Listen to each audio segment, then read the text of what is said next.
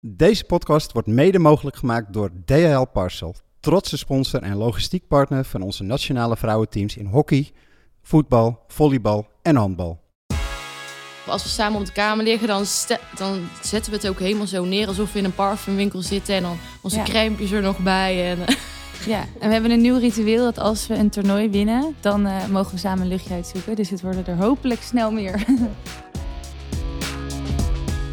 Ze zijn al jarenlang ploeggenoten bij Den Bosch en het Nederlands team. En met succes. Ze wonnen allebei Olympisch goud, de wereldtitel, Europese titels en landstitels. Daarnaast zijn ze vriendinnen en roemies bij Oranje. Dit is Helder de podcast. Je gaat luisteren naar een gesprek tussen hockeysters Sanne Kolen en Pien Sanders en Jasper Boks en Marlies van Kleef van Helden.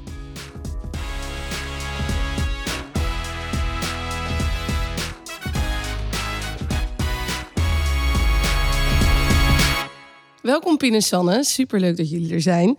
We zijn in eh Brasserie Het Buitenhuis, vlakbij Leiden. Eh, het zonnetje schijnt. Ehm, jullie hebben vandaag een vrije dag, eh, begrepen we. Wat, doen jullie eigenlijk normaal gesproken op een vrije dag? Nou, die vrije dag is sowieso wel krachttraining. Maar dat voelt een beetje als vrij, want je kan het in je eigen omgeving doen. En af en toe pak je ook nog wel eens een studieboek erbij of heb je een afspraak staan. Maar ik relax ook wel gewoon lekker op zo'n vrije dag. En jij Sanne? Ja, voor mij eh, geldt denk ik een beetje hetzelfde. Ik ben wel bezig met een studie, dus dat is nog wel iets wat ik dan eh, op zo'n vrije dag doe. En verder ga je af en toe een koffietje doen of eh, ja, inderdaad die krachttraining. Wat voor, wat voor opleiding doe je? Ik doe nu een master beleid, communicatie en organisatie aan de VU. Dus eh, daar ben ik eh, naast het hockey fulltime mee bezig. En jij Pien, jij zei ook, je slaat nog wel eens een studieboek open. Ja, ik doe een thuisstudie, maar daarom benoem ik het ook maar een beetje op de achtergrond. Want zo goed doe ik het niet. Maar ik doe jeugd en veiligheid. Ik heb hiervoor wel kindercoach echt goed afgerond. Alleen nu heb ik een beetje moeite ermee. We willen jullie eh, heel graag stellingen voorleggen in deze podcast. Eh, zijn jullie er klaar voor? Zeker. Yes. Wij lijken zoveel op elkaar, zouden wel zussen kunnen zijn.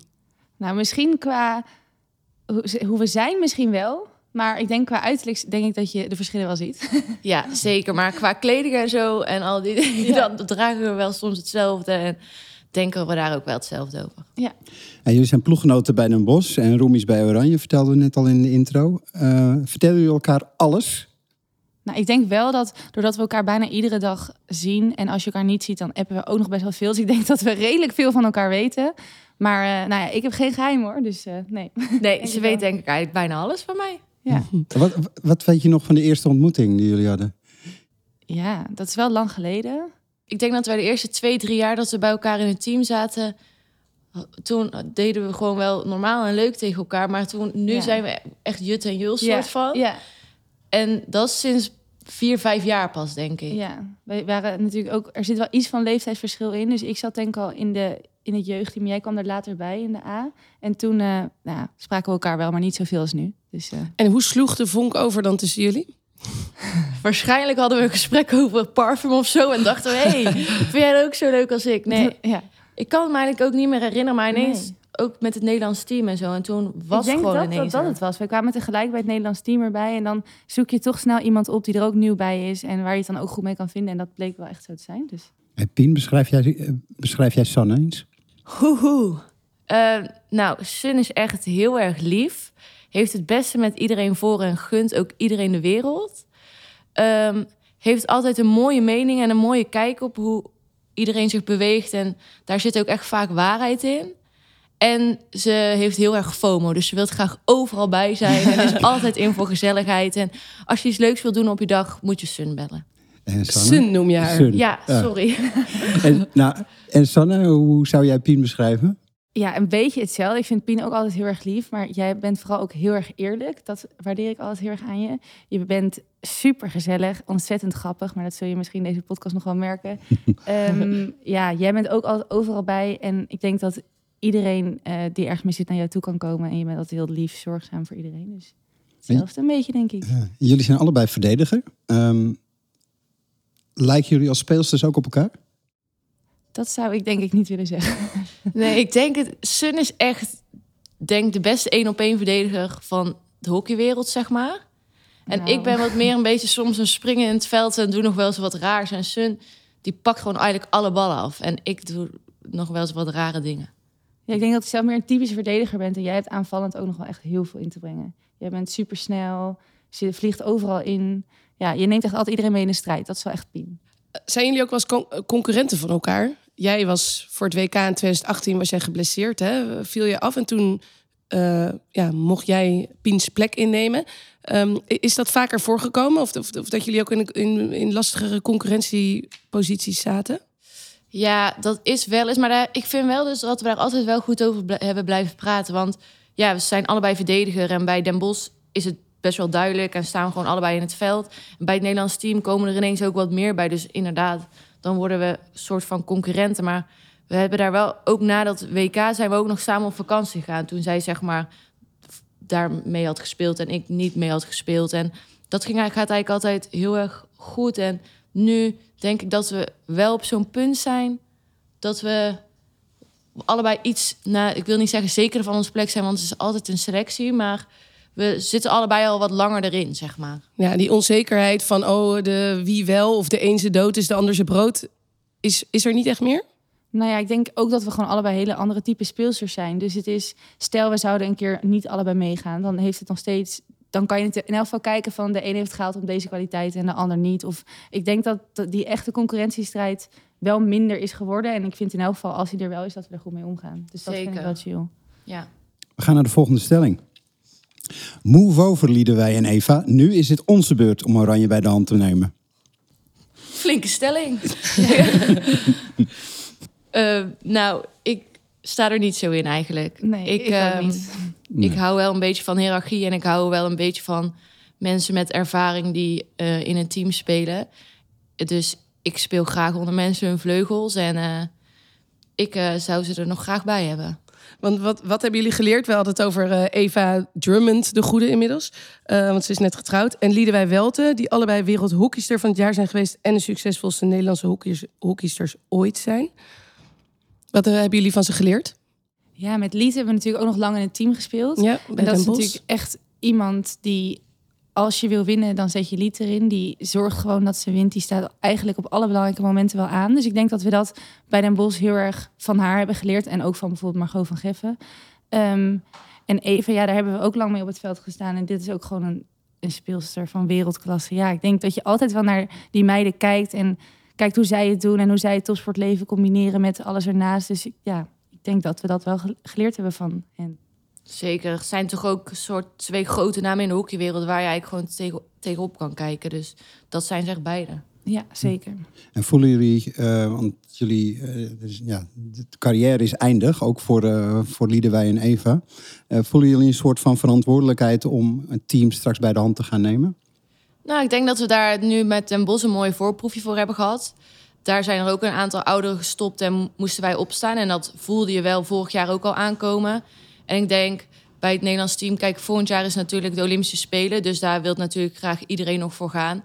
En ik denk dat je dan richting die tijd wel een beetje moet gaan nadenken van... oh, misschien eh, daar, over twee jaar moeten wij die rol in, Ja. in ons op gaan nemen, zeg maar. Schrokken jullie van dat bondscoach Paul van As ervoor heeft gekozen om bijvoorbeeld Eva niet op te roepen in aanloop naar het EK? Nou, ik denk dat ik zelf in eerste instantie wel verwacht had dat zij opgeroepen werd. Ehm, wat er precies is afgesproken en besproken tussen die twee, dat weet ik niet precies. Dus ik weet ook niet alle ins en outs. Ehm, maar goed, we hebben lang met haar op het veld gestaan. En afgelopen zomer natuurlijk nog de wereldtitel met haar gewonnen. Dus ja, ergens had ik wel verwacht dat ze weer op het veld zou staan met ons. En hoe werkt het dan? Geven jullie dan aan als spelersgroep van joh, die hebben we eigenlijk nodig? Of, of volgen dat soort gesprekken eh, binnenkort? Of eh, hoe, hoe werkt dat bij jullie? Ja, daar is eigenlijk niet echt iets over bekend. Uiteindelijk maakt de bondscoach natuurlijk een call. En ehm, ja, daar heb je het eigenlijk maar mee te doen. En dan eh, kan je even een hart onder de riem steken en zeggen dat je voor haar baalt. Want dat doe ik ook oprecht. En eh, ja, meer kunnen we denk ik niet echt doen. Is Nederland elftal nog altijd beter met Eva erbij? Ja, dat is lastig om te zeggen. Ik denk uiteindelijk zullen andere mensen hun verantwoordelijkheid gaan pakken. En of dat beter of minder goed is, ja, dat weet ik niet goed. Eva is een supergoeie speelster. Er zitten andere supergoeie speelsters in. Dus ik denk dat je vooral gewoon een manier zoekt om ehm, dat op te vangen. En ik denk, ja, dat kunnen wij. Hoe zijn jullie eh, bezig om jezelf te profileren eigenlijk als speelster binnen het team? Ja, ik denk dat voor mezelf heb ik gewoon altijd... Ik wil altijd mezelf zijn. En ik wil voorop in de strijd gaan. En ik wil daar de rest in meenemen. En eh, aan mijn harde werken kan het nooit liggen, zeg maar. En dat is een beetje hoe ik mezelf wil neerzetten. En eh, ja, voor de rest denk ik eigenlijk gewoon niet zoveel over na. Ik ben gewoon lekker mezelf. En, Ja, ik denk ook gewoon hard eh, elke training aanstaan, hard trainen, je best doen. Proberen iedere training in elk geval iets eruit te halen. En dan eh, ja, gewoon niet stoppen en opgeven. En dat, dat- ik denk dat we dat allemaal proberen, iedere training weer. We gaan naar de volgende stelling. Wat de liefde betreft, kijken wij niet verder dan het hockeyveld. nou, dat is bij ons allebei wel waar, denk ik. Ja, ik denk het ook wel. Ja. En jullie hebben allebei een relatie met een hockey international. Eh, Pien, vertel eens, hoe is de vlam overgeslagen met Thijs? Thijs van. Nou, het zal je niet verbazen, maar op het hockeyveld. Eh, we hadden allebei een EK met Nederlands A, dus Nederlands onder 18, in Santander. En toen gingen we al een beetje heen en weer flirten.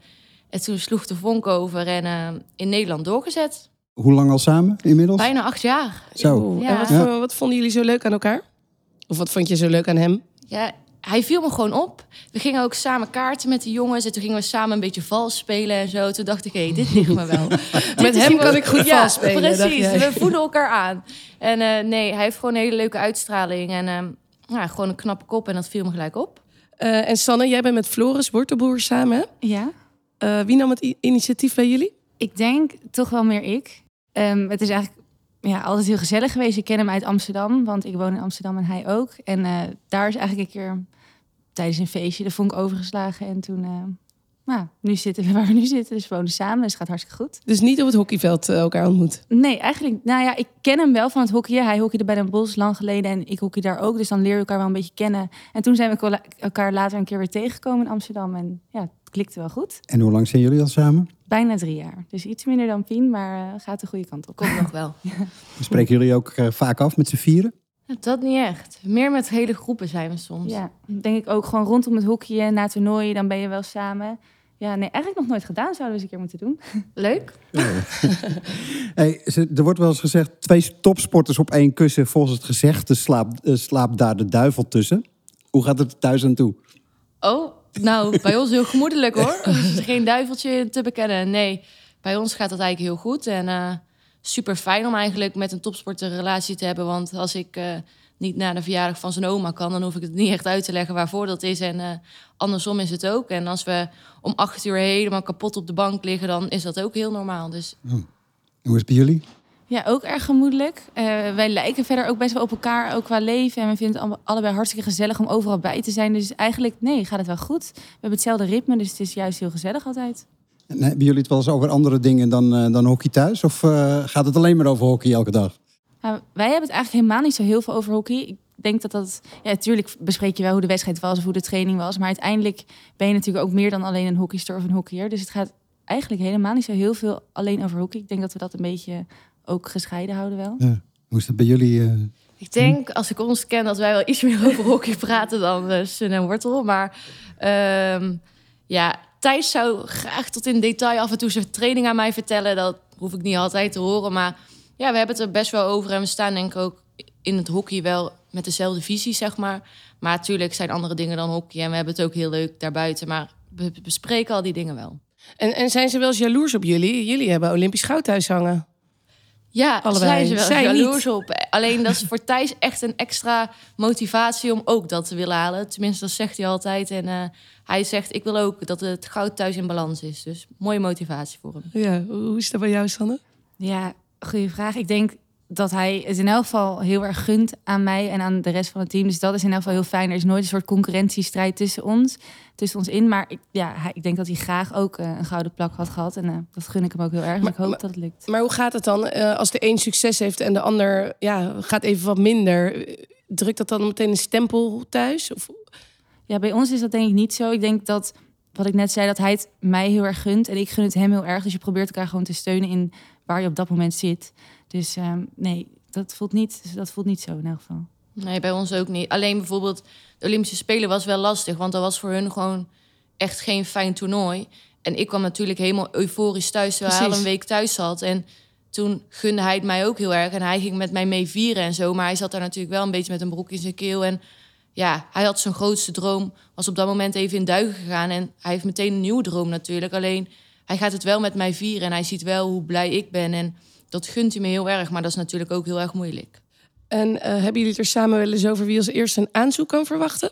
Ik, nee, ik, we hebben het er niet vaak over, maar ik denk wel dat jij het bent. Nee, ja, we hebben wel eens over wie wil trouwen, wie niet en bla bla bla. Maar ja, als ze op hun knie gaan, dan gaan ze op hun knie. Mag wel snel hoor.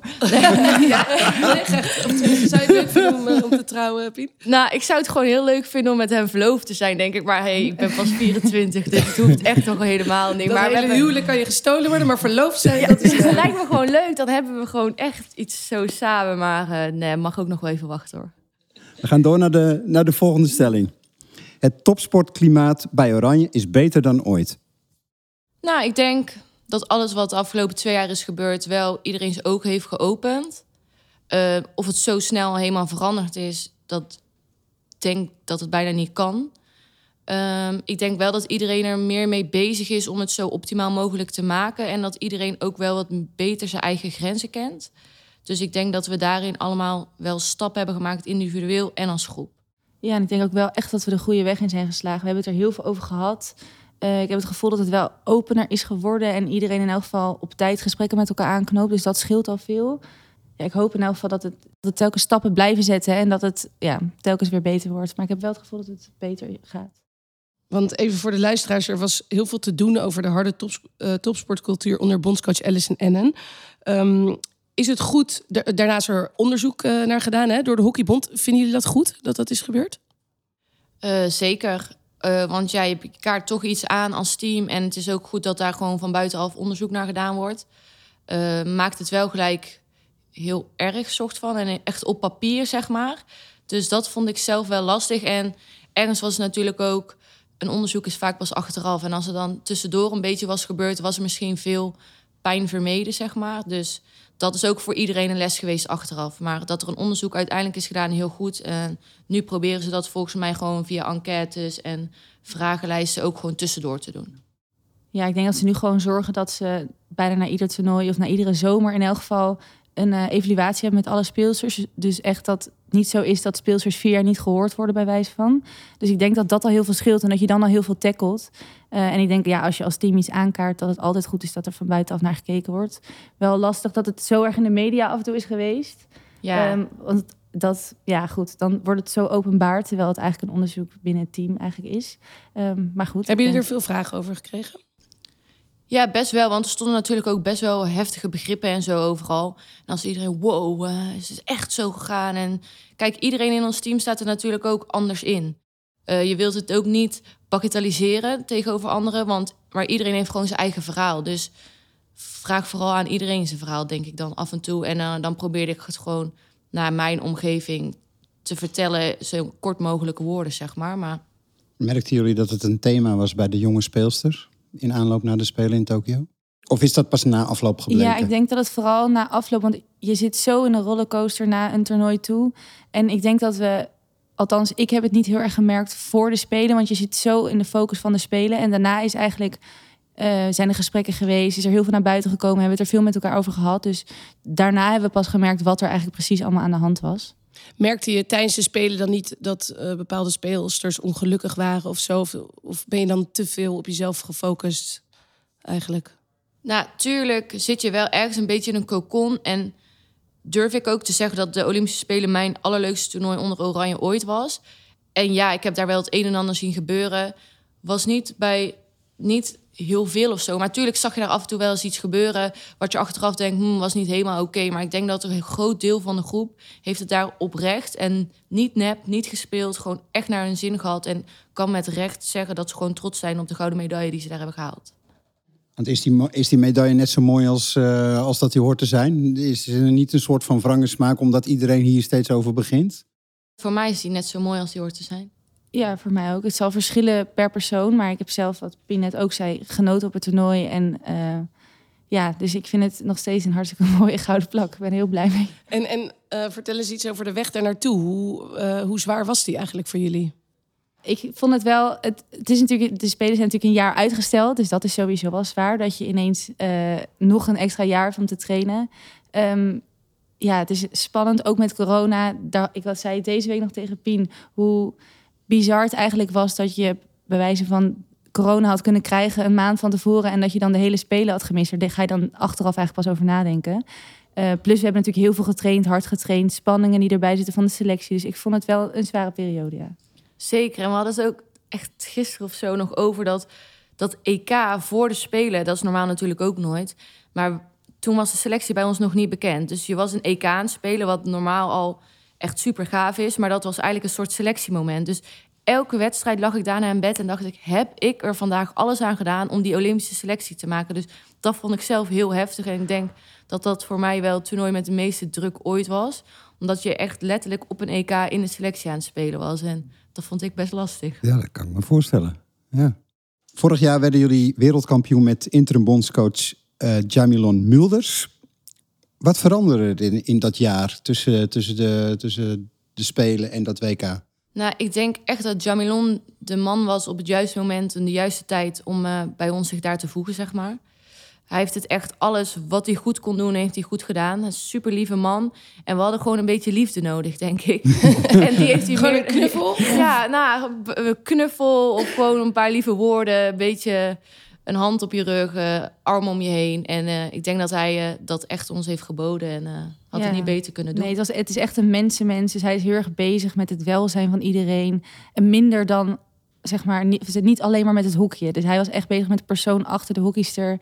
En ik denk dat dat echt op dat moment nodig was. En iedereen, tenminste, ik heb het gevoel dat veel mensen zich in elk geval ja, heel fijn voelden onder hem. Zeker, zeker. En, en hoe is het dan dat je dus dan alsnog gewoon wereldkampioen bent geworden. Denk je dan, dachten jullie van, zie je, zo kan het ook? Of wat voor gevoel? Ja, dat vond ik wel echt vrij bizar hoor. Want ik vond het wel het toernooi best wel spannend. Omdat ik dacht, oeh, we hebben niet super veel getraind. We hebben niet super hard getraind. Er is heel veel gebeurd. Zijn we er wel klaar voor? En ik denk dat we in de poolfase en zo hockeyden we ook niet zo goed als we konden. Maar toen die finales kwamen, dan zie je wel dat wij een bepaalde mentaliteit hebben. En toch een bepaald talent en een basisniveau waar we iets zo goed mee kunnen wegzetten, zeg maar. Dus ik vond het heel, vind het nog steeds heel erg knap dat we daar wereldkampioen zijn geworden. En dat we die finale waren ook echt niet normaal goed. Ja, dat was echt de piek van het toernooi. Ja. Ja, dus nee, ik, nee, ik vind het ontzettend knap, denk ik, dat we dat als team voor elkaar hebben gekregen. En alle lof ook naar Jamilon daarvoor. Dus, ja. En want Milders werd opgevolgd door Paul van As. Um, wat vinden jullie van hem als bondscoach? Het is gewoon een heel, het is een heel ander soort coach. We zijn als eerst naar Argentinië gegaan. Het is natuurlijk in het begin altijd wel wennen, want het is gewoon ja, heel anders. Het spel wordt anders, de, de press is iets anders. Maar het is ook leuk, een nieuwe uitdaging. Dus uh, nee, ja, ik ben tot nu toe enthousiast. Is hij ook iemand die, eh, die op het welzijn van de speelsters let? Zeker, we hebben ook wel veel gesprekken daarover gehad. Hij heeft individuele gesprekken gehad afgelopen winter in Zuid-Afrika. Dus uh, ik heb het gevoel dat hij daar wel mee bezig is. Ja. Zeker, en hij komt natuurlijk ook uit de mannen. En als je gaat kijken naar hoe mannen hockey beleven en wij vrouwen, wij willen heel veel presteren en altijd goud, goud, goud. En die mannen, die zien soms, die staan al een half uur van tevoren te pielen op het veld en trucjes te doen. En die hebben echt heel veel plezier in wat ze doen. En ik denk dat hij ook dat stukje een beetje naar ons over wilt brengen van kijk eens hoe leuk het is wat jullie doen. En dat vinden we natuurlijk ook. Alleen echt mooi hockey laten zien en leuke nieuwe dingen toevoegen die je nog niet kon. En ik denk dat hij heel erg met het hockeyplezier bezig is bij ons en ons daar een beetje de ruimte in wilt geven. En, en is hij dan ook iemand die, uh, als het dan even minder goed gaat, inderdaad een arm om je schouder kan, uh, kan leggen? Ik denk het wel. Nou, we hebben natuurlijk nog niet zo lang met hem uh, gehad, dus ik kan het nog niet zeggen. Maar voor nu leuke nieuwe frisse wind. Ja, want de Nederlandse vrouwen staan eigenlijk nou, sinds 2004 zo'n beetje aan de top. Dus het is al bijna 20 jaar. Merk je dat het dan bijna een soort van mechanisme is van alleen maar winnen telt? Bij jullie? Ja, ik denk dat we dat in het team wel merken. Want wij hebben ook zo van, nou, dan hockey weer maar lelijk. Maar ik wil gewoon goud winnen, zeg maar. Maakt me niet uit hoe. En je merkt dus bij hem dat het, tenminste wat ik nu heb gemerkt... hij wil ook gewoon mooi hockey laten zien. Aantrekkelijk hockey. Dat we keihard eroverheen gaan en mooie sprintduels en fysiek en dat allemaal. En dan, ik denk dat hij wil natuurlijk ook gewoon goud, maar mij maakt het niet uit hoe we dat goud halen. En hij wil ook mooi met aantrekkelijk hockey, zeg maar, dat goud halen. We gaan naar de volgende. Met een steltang in de hand veroveren wij het hele land. Die geldt vooral voor jou, denk ja. ik. maar haar zit nu ook weer gesteld hoor. ik uh, stel elke dag maar. Dus wat voor mij is die steltang helemaal waar. Ja, jullie verklapten eh, dat de stijltang elk toernooi meegaat en dat er paniek in de tent is als die niet meegaat. Ja, je bent ook wel je bent degene die de team stelt dan ongeveer meeneemt. dus, hè? Ja, ja. Ja, ja, ja. Voor de wedstrijd komt eh, denk ik vier, vijf meiden langs. En dan doen ze even een paar pluisjes stijlen of een krulletje stijlen. En ik stel sowieso heel mijn haar, want mijn staart moet strak zitten. En dat is eigenlijk elke ochtend. Ik ja, ben daar wel een beetje ijdel in. Mijn haar moet goed zitten. En we- zagen ook, en je zei het volgens mij, eh, riep je het in het begin van de podcast al, dat jullie er nogal druk over maken of jullie wel lekker ruiken. Ja, dat is inmiddels wel een beetje een obsessie geworden, denk ik. Dus Hoeveel, hoeveel geuren gaan er mee in de koffer naar een toernooi? Nou, daar appen we dus serieus over. Voordat we, als we een weekje of zo weg moeten. Want dan wil ik niet één luchtje meenemen. Want ik wil niet de hele week hetzelfde ruiken. Maar ja, drie is ook weer overdreven. En we moeten ook denken aan de kilo's. Dus dan- Ja, dan kunnen we een beetje appen. overleggen wie welke meeneemt en hoeveel het er dan zijn. Maar het zijn er meestal denk ik wel een stuk of drie, vier. Ja, en Allebei drie, vier en dan wisselen jullie uit. Of dat kan niet, want dan ruik je hetzelfde als Sanne of Pien. Of Ja, maar dan gaan we wel het liefst even bij elkaar langs. Of als we Ja, samen op de kamer zeker. liggen, dan, dan zetten we het ook helemaal zo neer. Alsof we in een parfumwinkel zitten. En dan onze Ja. er nog bij. En, eh, Ja, en we hebben een nieuw ritueel dat als we een toernooi winnen, dan eh, mogen we samen een luchtje uitzoeken. Dus het worden er hopelijk snel meer. En Sanne, welke, gaat sowieso, welke geur gaat sowieso altijd mee? Wisselt nog wel eens. Ehm, maar ik zit nu, ja, het is niet een heel bekend luchtje, maar Widian 2. Ze verkopen hem bij Skins, dat is nu wel echt mijn go-to. En voor jou, eh, Pien? Ja, dat is Cri du Kalahari, ook van Skins. Dus dat is een iets exclusievere winkel. Daar zijn we graag te vinden. En dat is wel op dit moment mijn favo. Merken jullie dat het ook belangrijk is, eh, voor, vooral voor de jeugd, eh, dat jullie ze inspireren zonder hockeystick? Ja, ik vind dat wel belangrijk, want ik keek vroeger ook tegen Maartje Pauwme en Eva de Goede en zo op. En dat, dat zorgt er wel voor dat je ook harder gaat werken om te bereiken wat zij ook bereiken, zeg maar. En eh, ik vind dat dus wel heel belangrijk dat er gewoon rolmodellen in het hockey zijn. En ook hoe Frederik Matla bijvoorbeeld nu al bekend staat. En de hele Matla-mania noemen we de fans van Frederik. Matla-mania. Ja, dan, ja, dat zijn wel mooie dingen. En dus die meiden moeten ook iemand hebben om tegenop te kijken en ehm, na te willen streven, zeg maar. Dus ik vind dat heel belangrijk. Nee, waarom we dat vragen is natuurlijk ook, we zagen het filmpje bij jullie, volgens mij stond het op YouTube, dat jullie eh, samen op bed zitten en de- inderdaad over dit soort dingetjes hebben. Dat, ja, dat het iets voorbij het hockey trekt natuurlijk, dat we jullie ook op een andere manier leren kennen. Ja, ik denk dat het leuk is dat ze ons niet alleen maar in een oranje of Den Bosch pakje zien op het veld, maar dat je ook ziet wie wij als personen zijn. Ik kan me, tenminste, ik kan me voorstellen dat dat leuk is om te zien. Ehm, ja, het, soms dan denken mensen misschien, oh, dat is alleen die hockeyster. Maar er zit natuurlijk veel meer achter. En ja, ik, nou, het lijkt mij leuk om te zien, inderdaad. Ja, dat vinden ook die kinderen vaak het leukst. Als ik een clinic of zo heb, dan doe ik ook heel vaak als, het, als we die al vier uur hebben gehockeyd, dan doen we onze stick weg en dan zeggen we, we gaan even een vragenrondje doen. Dan gaan we gewoon zo zitten, dan ga ik op zo'n kratje zitten. En dan zeg ik, wat willen jullie weten? Echt, je mag alles van me vragen nu. En dan willen ze dus ook weten, wat ontbijt je? Wat is je lievelingseten? Wat is je kleur, leukste kleurjasje? Wat is je lievelingskleur? Hoe is het met Thijs? Ja, maar dat vinden ze uiteindelijk toch wel het allerleukste om te weten. Want ja, Ja. hockey, dat kan iedereen zien op het veld. Maar wat we thuis doen, niet. Vroeger eh, waren er natuurlijk speelsters als Fatima Morera de Melo, Naomi van As en Ellen Hoog. Zij, zij zijn eigenlijk meer beroemdheden geworden. Hoe, hoe kijken jullie daarnaar? Ja, hartstikke leuk juist, denk ik. Ik denk dat inderdaad kinderen ook naar hun keken in eerste instantie als hockeyster, maar ze hebben er nog zoveel naast. En nu zijn ze helemaal ja, uitgegroeid als echt boegbeelden. En niet alleen maar hockeysters, maar ook echt in de hele media. Ja, super knap gedaan. Ik denk dat ze dat allemaal hartstikke leuk vinden. Dus eh, En zijn jullie daar zelf ook mee bezig? Om, om nou ja, die kant op te gaan? Of om, is dat ergens ook een doel van jullie om jezelf op die manier te laten zien? Nou, het is niet per se een doel, maar als je kijkt, hockey, je hockeycarrière is relatief kort. En je kan ook meteen het jaar dat je stopt vergeten worden, zeg maar. Maar ik denk dat ook gewoon qua werk en als je gewoon verder maatschappelijk gaat kijken, als je je naam nu een beetje op de kaart kan zetten, wie weet wat voor interessants er daarna ook komt. En dat hoeft voor mij bijvoorbeeld helemaal niet op tv of zo te zijn, of hoe Naomi en Elle dat niet. Maar als je je naam een beetje bekend hebt, dat je in een mooi bedrijf kan gaan werken of gewoon daar ben ik wel af en toe mee bezig. Ja, het kan natuurlijk best wel helpen als mensen je naam kennen, ook in het bedrijfsleven. Maakt eigenlijk niet zoveel uit welke kant je op gaat. Dus ik denk zeker dat dat eh, werkt. En in het verleden waren er ook vaak, of geregeld, eh, mooie en soms ook zelfs eh, sexy shoots te zien met, eh, met hockeysters. De laatste jaren was dat minder het geval. Het hoorde ook een beetje bij de policy van de, van de hockeybond, eh, begrepen wij. Het moest vooral in de media over hockey gaan. Weet, weten jullie daar iets van? Ik weet wel dat we gewoon een aantal, twee, drie jaar geleden...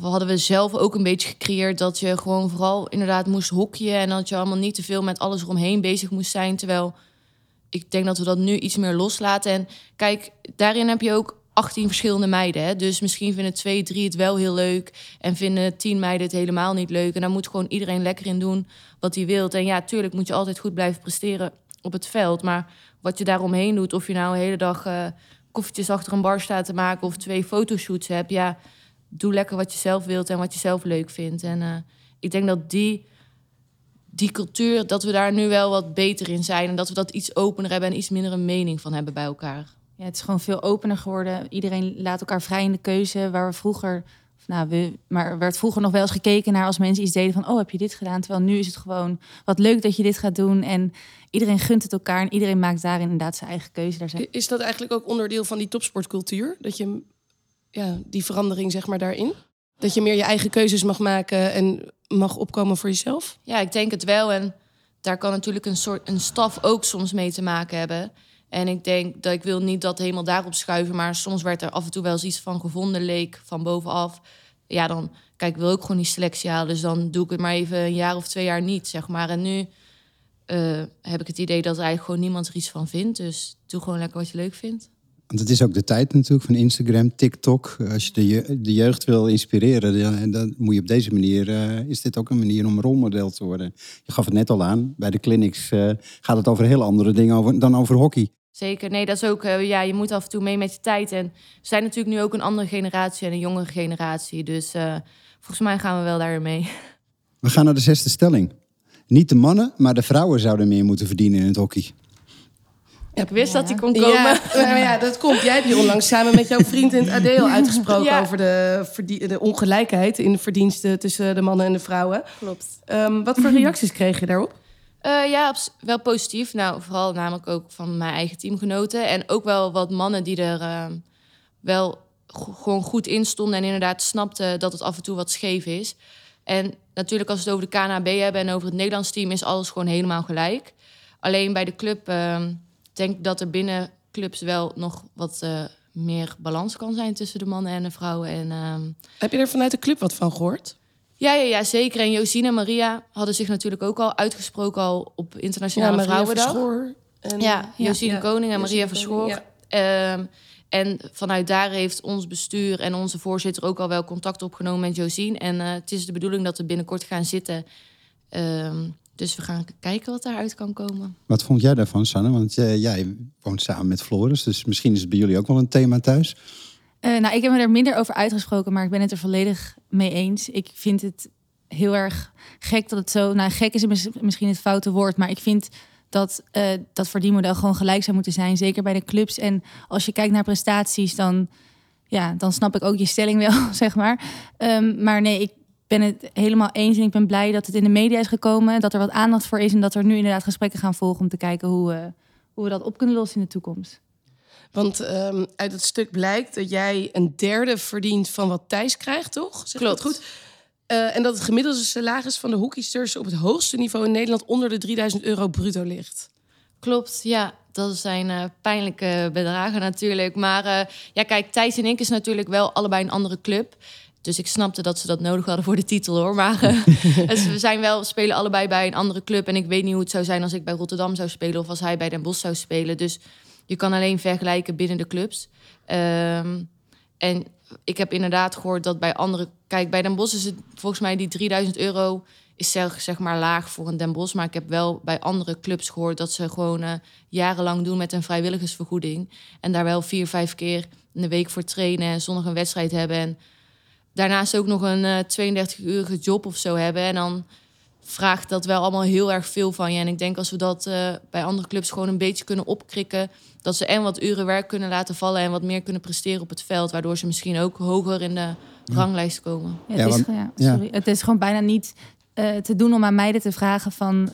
geef alles op het veld, ben er elke minuut... als je dus niet ervan kan leven. Dus mensen moeten ernaast werken of studeren. En dat is soms gewoon lastig te combineren. Plus dan ligt de focus niet alleen maar op het op het hockey. En dat kan natuurlijk wel voor zorgen dat de prestaties minder zijn. Dus het is gewoon, wil je het professioneler krijgen, dan moet je eigenlijk gewoon zorgen dat de salarissen omhoog gaan. Eens. Ja, want eh, wat we net al zeiden, van, eh, ja, de vrouwen zijn al jarenlang succesvol. Succesvoller dan de mannen. Ehm, dus ja, boegbeelden voor de jeugd en voor sponsors, gok ik zomaar. Ja, zeker. En kijk, dat is natuurlijk ook per club verschillend. Want de ene mannenclub hockeyt hoger dan daar de vrouwen, zeg maar. Maar als we gewoon gaan kijken naar... Wij hockey allebei bij Den Bosch. En over het algemeen hebben wij de afgelopen nou, 22 jaar... best wel wat prijzen binnengehaald. Eh, en de mannen gewoon aanzienlijk weinig. Of eigenlijk geen bijna. En dan is het natuurlijk krom dat iemand van dezelfde leeftijd als ik...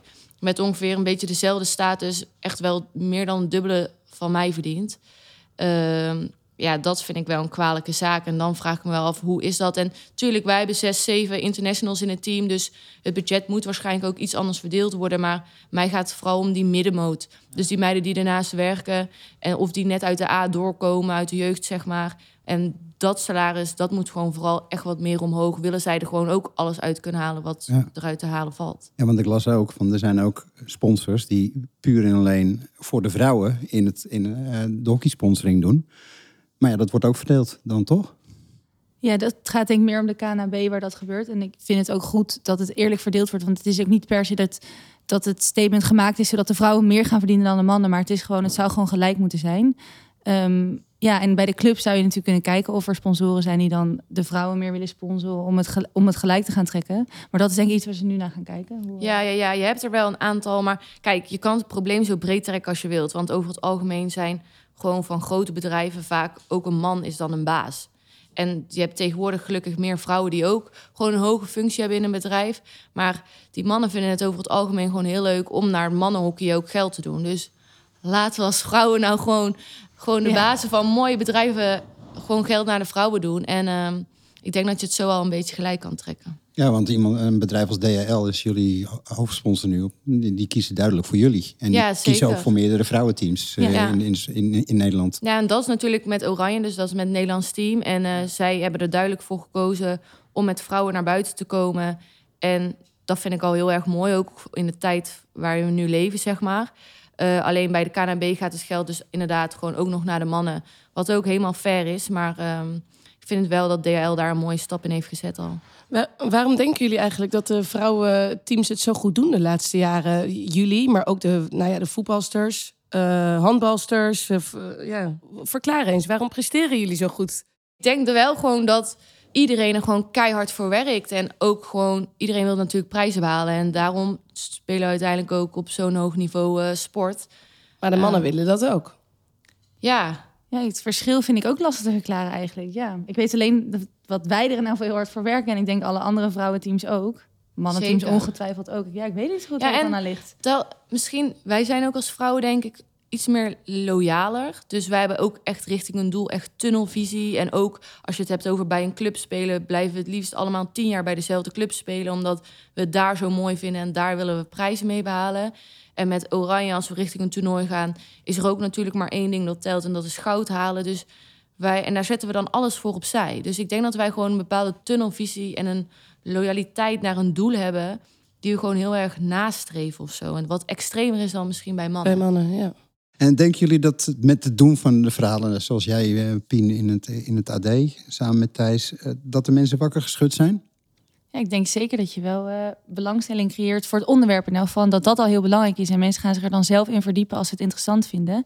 Dus ik denk zeker dat door de media te benaderen... dat je wel iets ja, teweeg kan brengen in de... Ja, in de, in de ja, hoe zeg je dat? In de bewustwording bij mensen. We gaan naar de laatste stelling. Eh, wij hebben dezelfde droom voor de tweede keer Olympisch, Olympisch kampioen worden. Maar nu met onze familie en vrienden op de tribune. Ja, Helemaal eens, ja. yes. Dat zou natuurlijk super mooi zijn.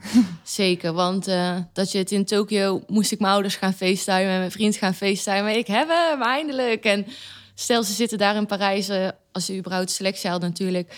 Stel ze zitten daar in Parijs op de tribune en je kan ze in de armen sluiten. En wat, wat er ook gebeurt natuurlijk. Je gaat natuurlijk voor goud, maar gewoon dat ze erbij zijn en ook die sfeer kunnen ervaren. Dat gun ik ze echt, want eh, uiteindelijk sta je hier wel ook mede door hun. Dus ik zou het heel mooi vinden om dat te kunnen delen. En vanaf 18 augustus spelen jullie in eh, München Gladbach het eh, EK. Eh, hoe staan jullie ervoor in aanloop naar het EK? Ik ben benieuwd of we ervoor staan. Maar ik denk, we hebben veel getraind eh, in, of in december en januari. Dus ik denk dat we zeker als team heel goed gaan doen. Dus ik heb er ook wel weer zin in straks. Is het moeilijk voor jullie om altijd maar de prooi te zijn? Ik bedoel, jullie hebben natuurlijk alles gewonnen de afgelopen jaren. Jullie zijn altijd het team dat verslagen moet worden.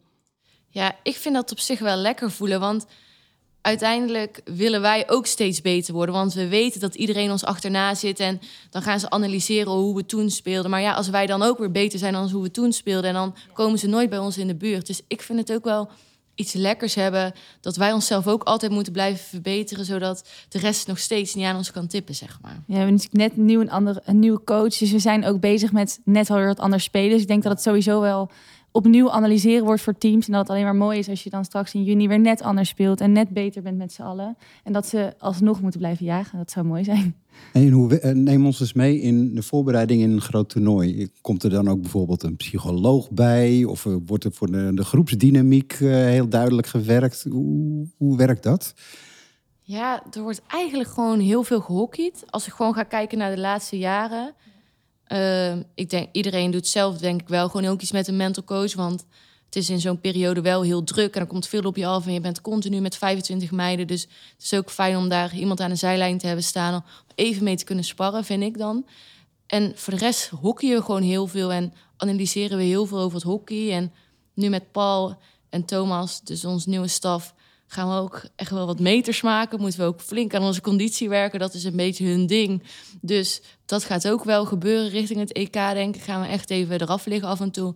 Maar uh, dat is ook alleen maar mooi. Ja, en we zijn dan ook veel langere periodes samen. Dus dan zijn we bijvoorbeeld in een maand zitten we twintig dagen intern. Dus dan ben je automatisch veel met elkaar. Je gaat koffie drinken, zeg maar dat soort kleine momenten die je normaal door de week heen niet hebt met elkaar, heb je dan wel. Dus ik denk dat dat ook het team al heel dicht bij elkaar brengt. En dan gewoon samen zijn, samen trainen, samen van alles doen. Dat werkt wel, denk ik. Zijn jullie dan ook heel erg, stel als er weer nieuwe meiden komen, zijn jullie dan ook een soort van ons ontvangstcomité? Van uh, een beetje aanwijzen van hoe het werkt bij het Nederlands team? Ja, ik denk dat we een hartstikke, tenminste dat gevoel heb ik zelf, open zijn als team. Dus dat je wel wordt ontvangen en mee wordt genomen in wat we allemaal doen. En dan is het, ja, iedereen zorgen voor elkaar. Zorgen dat iedereen met iemand telkens is. Dus ik ja, denk dat dat wel zo is. Het is ook grappig dat je dat zegt, want dat is wel ook iets wat we hebben meegenomen uit de vorige periode. Dat we dat wel wat beter willen verzorgen. Want voor ons is het allemaal heel normaal. Maar als je er net bij komt, dan kijk je echt je ogen uit en dan denk je, wat doen hun allemaal? Een beetje eng ook misschien? Ja, zeker. En dan Tuurlijk uh, besteden we daar wel aandacht aan. Maar om echt even nou, de normen en waarden van een team goed over te brengen op een normale manier, moet je toch wel iets meer tijd investeren dan alleen. hey, hoe gaat het? Wat doe je eigenlijk ook uh, buiten het hockey? En wat is, wat, wie ben je eigenlijk? Dus ik denk dat we daar hebben wel een beetje over gehad dat we dat iets beter willen doen richting de toekomst. En ik denk, dat we gaan, nou, nu zijn er een paar nieuwe meiden bij, niet superveel. Maar vaak ken je die ook al een beetje vanuit de club. Maar volgens mij is Hopelijk hebben zij dat ook zo ervaren. Precies. In elk geval dat wij daar wel mee bezig zijn en dat uh, we ze hartstikke graag erbij willen en willen welkomen in, het, welkom in het team. Dus, ja. Uh, Pien, jij zei net uh, dat je gebruik maakt van een persoonlijke mental coach. heb jij die ook, Sanne? Momenteel niet. Um, maar er zijn wel periodes waarin bij wijze van het zwaarder wordt. Of je nou ja, goed, gewoon even met iemand over van alles wil sparren. En dan is er altijd wel een mogelijkheid. Hadden we ook hetzelfde. Ja, we hadden hetzelfde. vanuit de club dan? Of uh, vanuit het Nederlands team? Ja, in eerste instantie vanuit de club. Uh, en nu zit ze niet meer bij Den Bos, maar jij gaat nog steeds naar haar toe. Dus, uh, ja, ja. het is toch chill. Je moet met zo iemand ook echt een klik hebben natuurlijk. Want je moet toch je hart bij kunnen luchten. En dus ik vind het heel fijn. Ze heeft niet echt zoiets met hockey te maken.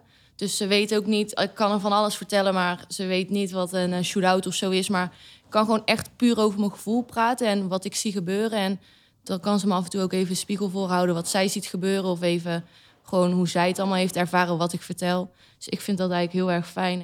Jullie hebben allebei alles al gewonnen wat er te winnen valt. Uh, met Oranje en Den Bosch.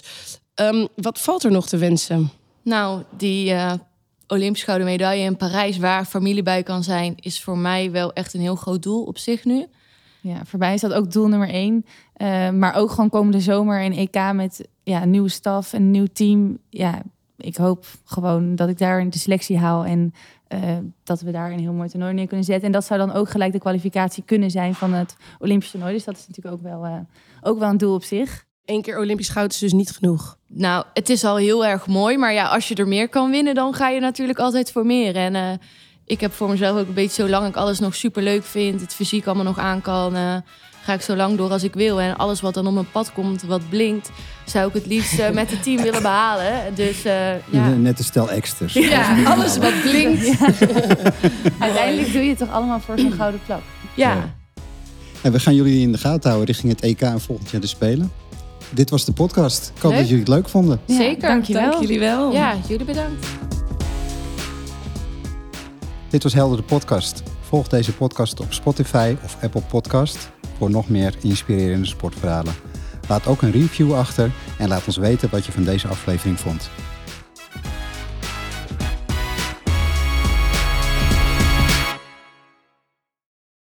Deze podcast werd mede mogelijk gemaakt door DHL Parcel, trotse sponsor en logistiek partner van onze nationale vrouwenteams in voetbal, hockey, volleybal en handbal.